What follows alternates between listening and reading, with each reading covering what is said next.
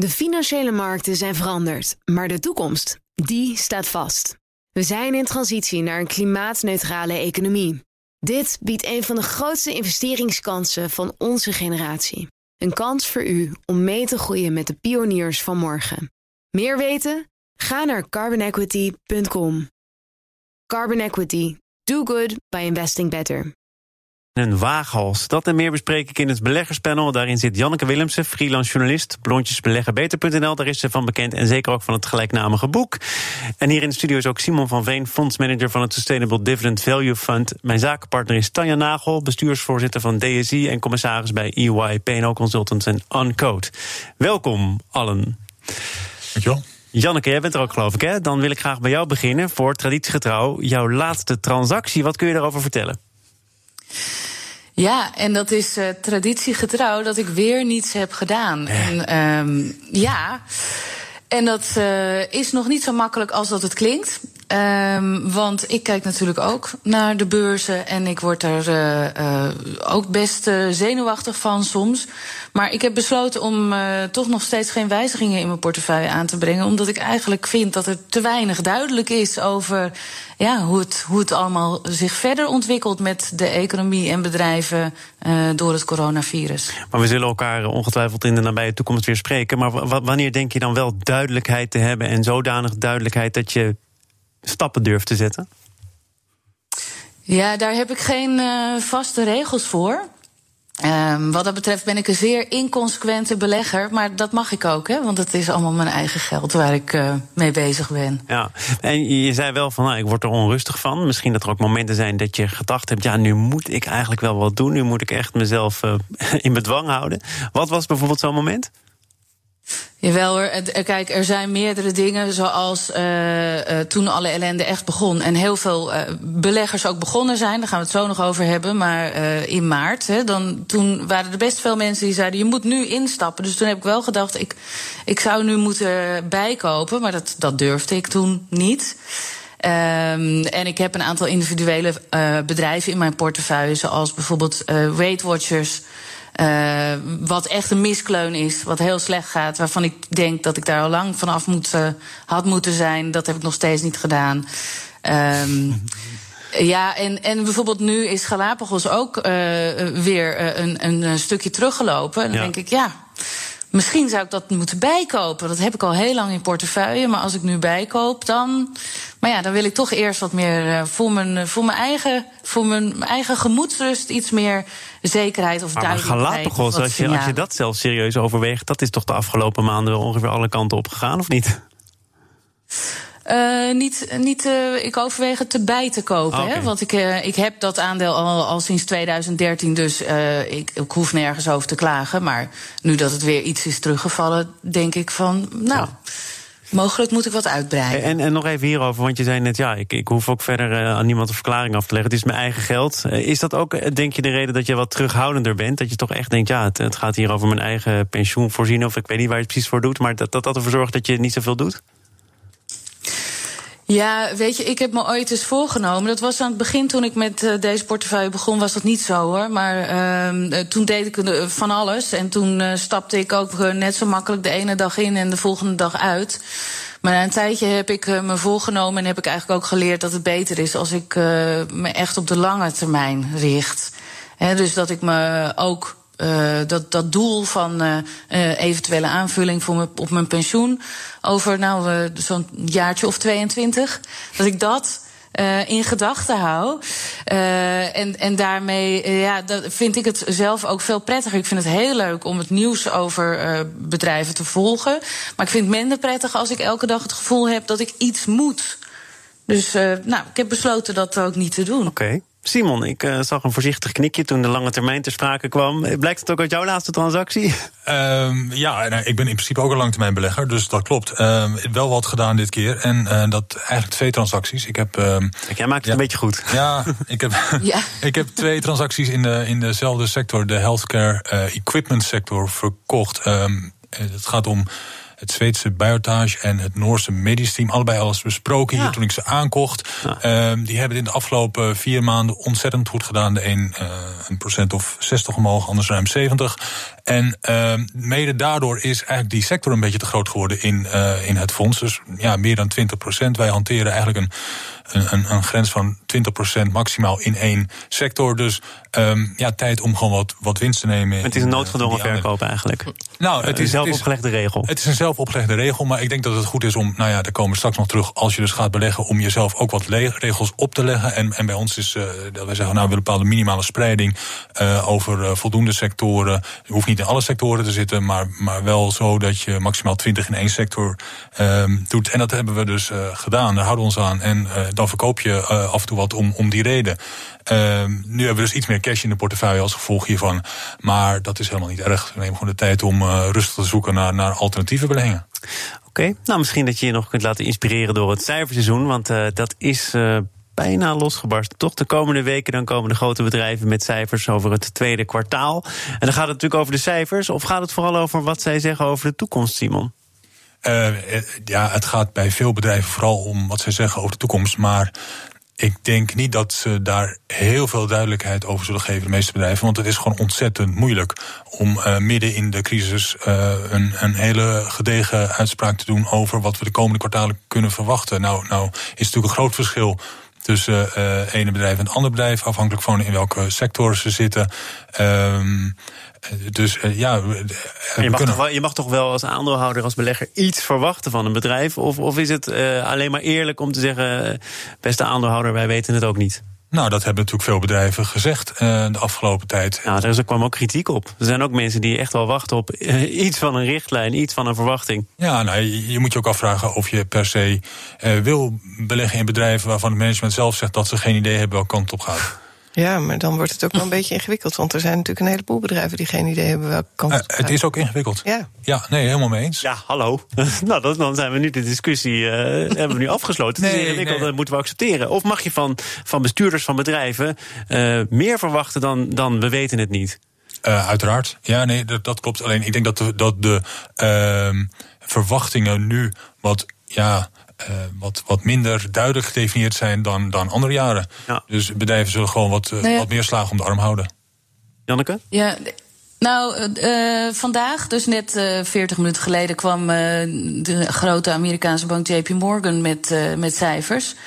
En daarvan heeft de CEO ook weer gezegd van, uh, terwijl die dus uh, drie, drie maanden geleden nog zei van, ach, er komt wel herstel in de tweede helft van het jaar, heeft u nu gezegd, nou, we zien nog wel heel veel onzekerheid uh, over de economie. En uh, ja, ik, weet je, voor beleggers is het echt een beetje blind beleggen op dit moment. Want beleggen is natuurlijk vooruitkijken. En het wordt heel lastig als al die bedrijven zeggen: ja, wij weten het eigenlijk ook niet. Maar ik vind wel, dat is wel begrijpelijk.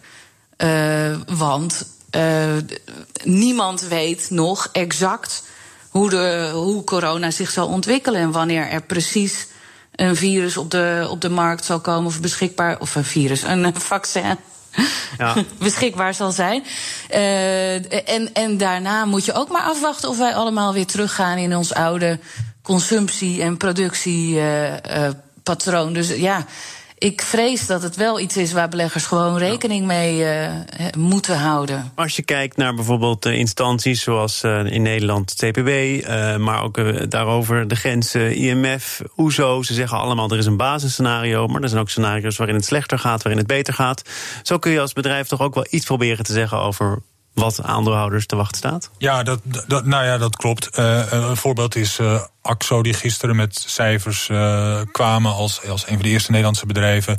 Uh, die, die rapporteerde uh, een omzetdaling van 19% en winstdaling was nog ietsje groter. Maar wat ze wel bij zeiden, was dat de daling in april heel fors was. In mei wat minder en in juni eigenlijk maar 5% onder het niveau vorig jaar lag. En, en, daarmee geven ze dus aan dat er duidelijk herstel in zit. en dat ze verwachten dat het herstel verder zal gaan. En, en de koers, ondanks dat dus 20% omzetdaling een, een heel slecht cijfer is, de koers reageert uh, wel positief. Gisteren was ruim 4% hoger. Ik luisterde vrijdag naar ons beursprogramma Beurswatch. Uh, waarin ook uh, kort aan de orde kwam dat corona ook wel eens een excuus kan zijn voor bedrijven. Hè. Het gaat niet zo goed. Nou ja, dames en heren, de verklaring laat zich raden. Dat is corona.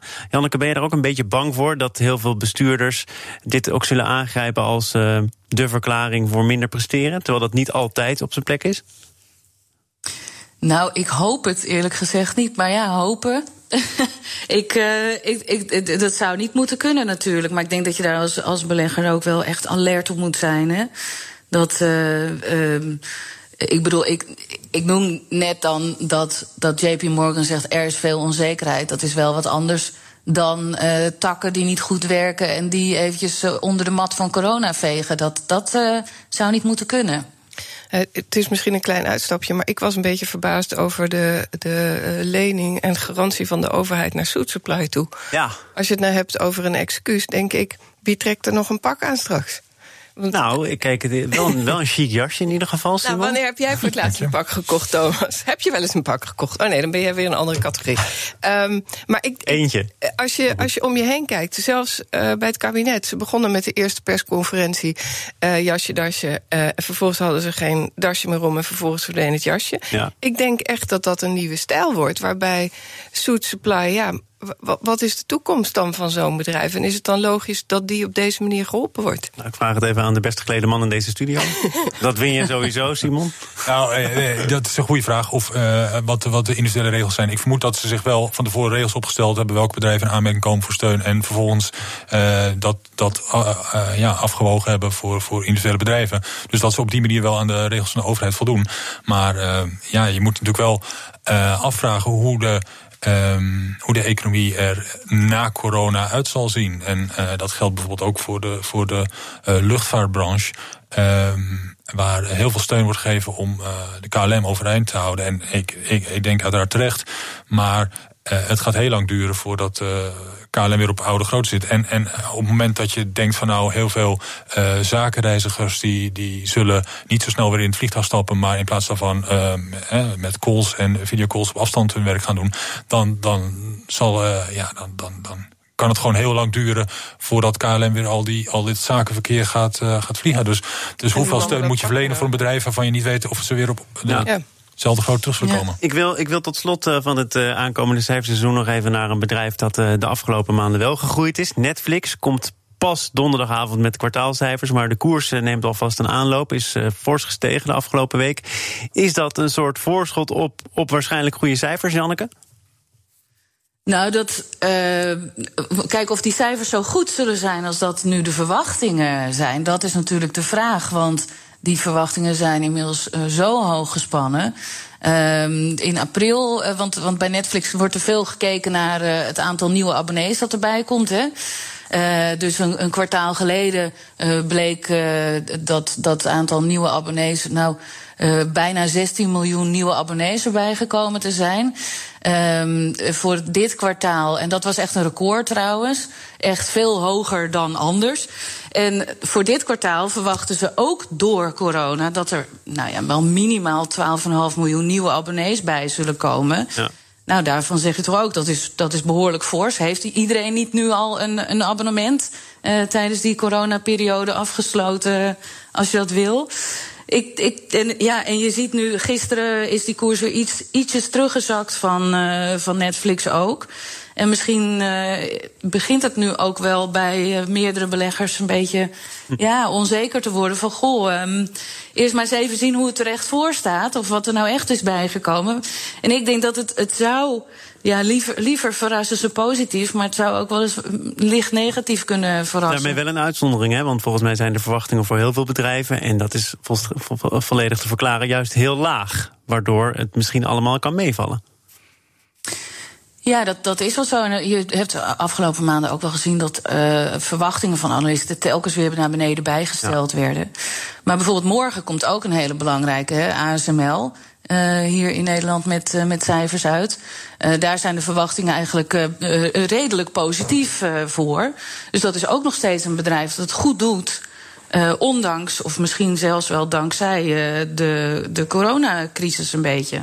Ja, die zullen uh, ASML zal ongetwijfeld een mooie groei laten zien. Maar of het inderdaad voldoende is om uh, de beleggers tevreden te stellen en of de koers dan nog ja. verder omhoog gaat morgen, dat moeten we afwachten. Het wordt in elk geval wel spannend zo. Zeker. Ik kan nog bijna niet wachten op het tweede deel van dit panel. Jij ook niet. Je ging dwars door de jingle heen, maar dat maakt het wel zo charmant. Janneke Willemsen, freelance journalist, eh, bekend van blondjesbeleggenbeter.nl. Ook het boek met dezelfde titel, een bestseller. Simon van Veen, fondsmanager van het Sustainable Dividend Value Fund.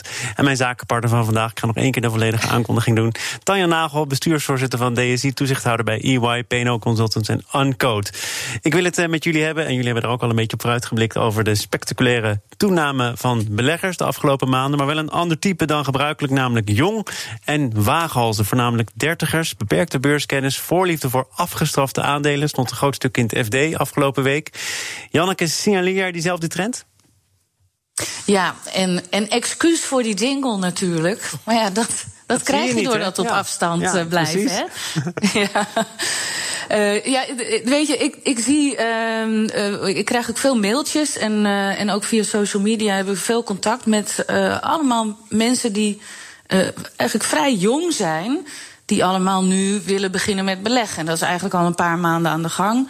je hebt natuurlijk bij die brokers ook al die enorme toestroom gehad uh, en die wachtrijen voor uh, het openen van beleggingsrekeningen. Ja, daar waren wel wat mensen dus... die er ook twijfels bij hadden, omdat het wel heel erg klonk als uh, fantastische reclame. Zie je wel, we worden volledig overvraagd. Maar jij denkt dat het echt zo is, dat er wachtrijen waren bij die brokers?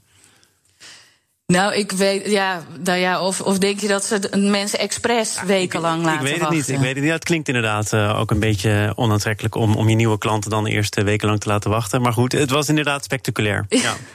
Ja, nee, want ze wilden al overstappen naar anderen. Dus dat lijkt me misschien niet echt. Nou ja. Um, maar uh, ik ben er helemaal voor dat iedereen gaat beleggen. En ik denk ook dat iedereen het kan.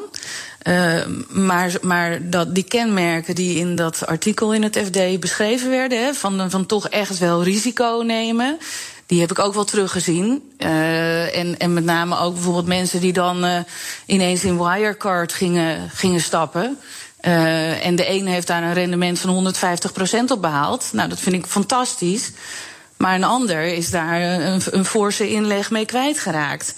Ja, en dat vind ik zonde. En ik denk dat uh, beleggers of, of startende beleggers vaak uh, twee dingen door elkaar halen. Namelijk, we noemen het allemaal beleggen, maar het is toch heel iets anders als je gaat zitten gokken of speculeren. En uh, ja. op zo'n korte termijn te koers stijgen. En dat mag van mij hoor.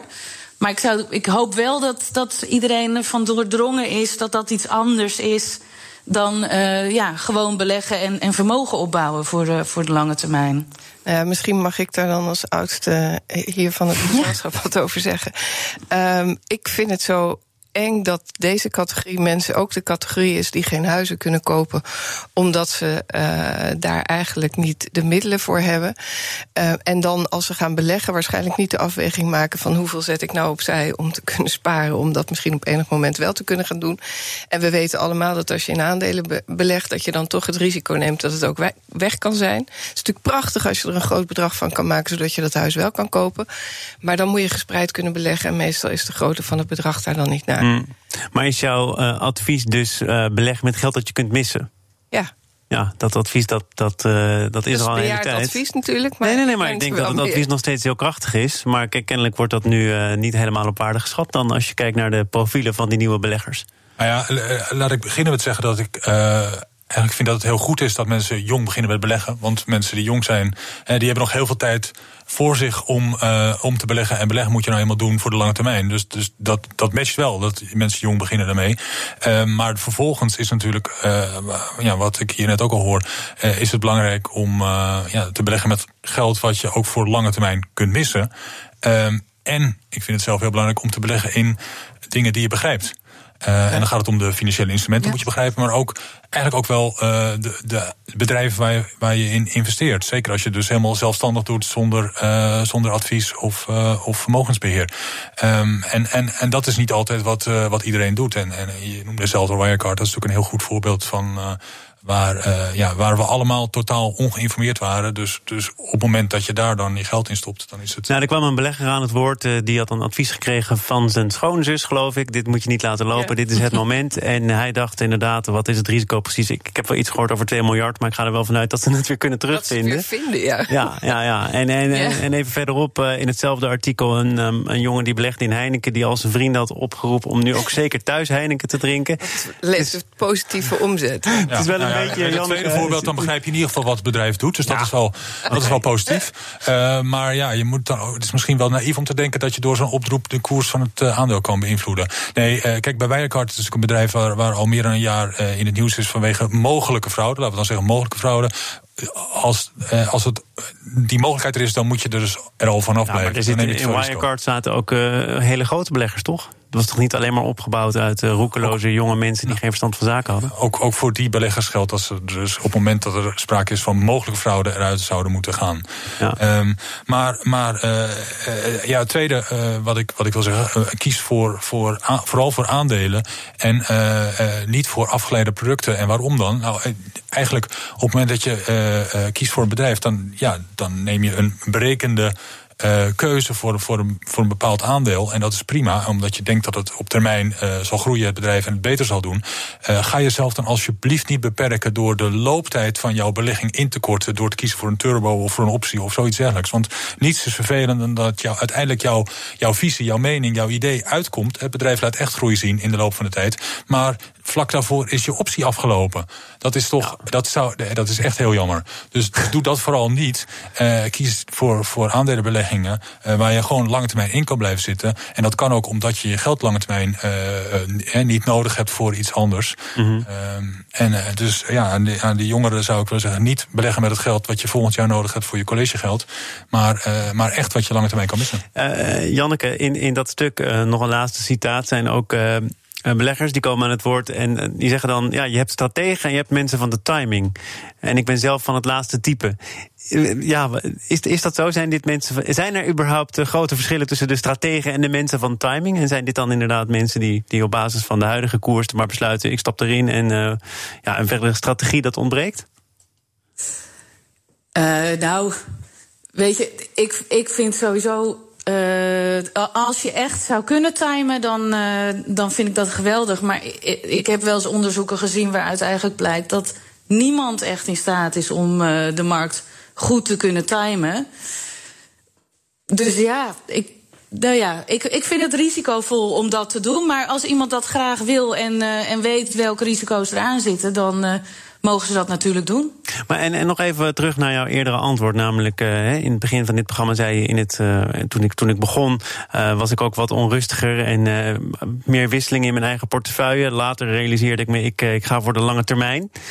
zou jij wat je in het begin deed ook scharen onder de noemer beleggen? Of was dat dan ook meer gokken? Uh, sommige dingen waren iets meer beleggen, maar het meeste was toch best wel gokken hoor. Um, en ja, weet je, ik heb me wel uh, in die tijd ook wel gerealiseerd. Dat deed ik natuurlijk niet met al het geld dat ik uh, wilde beleggen. Dat deed ik met een, met een klein deel. En ik denk, zolang je dat uh, in gedachten hebt. Want wat Tanja net ook zei, hè, van, je, je, je mag toch hopen dat het niet de mensen zijn die straks ook geen, geen hypotheek kunnen krijgen, omdat ze daar te weinig geld voor hebben. Um, maar als je het kunt doen met geld dat je kunt missen dan vind ik er niks op tegen om met een klein deel van je geld uh, op die manier te speculeren. Maar ik ben zo bang dat er zoveel mensen zijn die dat verschil niet weten en zich dat niet realiseren. Dus ik, ik hoop maar dat mensen het verschil zien tussen met het grootste gedeelte van je geld voor de lange termijn en goed gespreid beleggen. En nou ja, als je dan echt die aandrang voelt, doe dat dan met een klein beetje van je geld uh, voor de korte termijn. En, uh, en uh, geef je dan over aan de timing. Tot slot nog één vraag voor de initiatiefnemer van Blondjes Beleggen Beter. Uit alle gegevens van die brokers die verzameld zijn door het FD blijkt één ander gegeven. Namelijk dat het nog altijd vooral mannen zijn die beleggen. Voel jij je nog steeds een uitzondering? Nee, ik voel me eigenlijk helemaal geen uitzondering meer. Uh, ik, maar ja, De cijfers uh, beweren het tegendeel. Hè? Dus uh, wat, uh, wat de, de, cijfers zeggen, dat is waar. Dus daar moet ik me maar bij neerleggen. Jij betwijfelt ook aan jou, of niet? Nee, ik denk dat het nog steeds zo is. En niet omdat Janneke ze niet allemaal tegenkomt. Want ik denk dat jij heel veel vrouwen, juist heel veel vrouwen spreekt die wel beleggen. En ik ook. Maar in het grotere geheel blijft dat natuurlijk nog steeds een groep die achterblijft. Het is niet anders. Ik uh, dank jullie voor jullie komst en jullie bijdrage aan het uh, beleggerspanel. Janneke Willemsen van blondjesbeleggenbeter.nl, de website. En ook het boek. Simon van Veen, fondsmanager van het Sustainable Dividend Value Fund. En mijn zakenpartner van vandaag, Tanja Nagel. Was weer leuk. Was weer leuk. Veel plezier op het strand. ook in je eigen strandtent. uh, en misschien dat ik er wel over doorga morgen. Want dan is Jos Franke te gast van het Nederlands Bureau voor Toerisme en Congressen NBTC. Hij wil toeristen deze zomer niet weren, maar juist naar Nederland halen. Over alle instrumenten die die kan inzetten hoor je morgen meer in BNR Zaken doen. Zometeen eerst Newsroom, dat is onze dagelijkse podcast van het FD en BNR, gepresenteerd door Mark Beekhuis, vermoed ik. Veel plezier, tot morgen. De financiële markten zijn veranderd, maar de toekomst, die staat vast. We zijn in transitie naar een klimaatneutrale economie. Dit biedt een van de grootste investeringskansen van onze generatie. Een kans voor u om mee te groeien met de klimaatoplossingen van morgen. Meer weten? Ga naar carbonequity.com. Carbon Equity. Do good by investing better.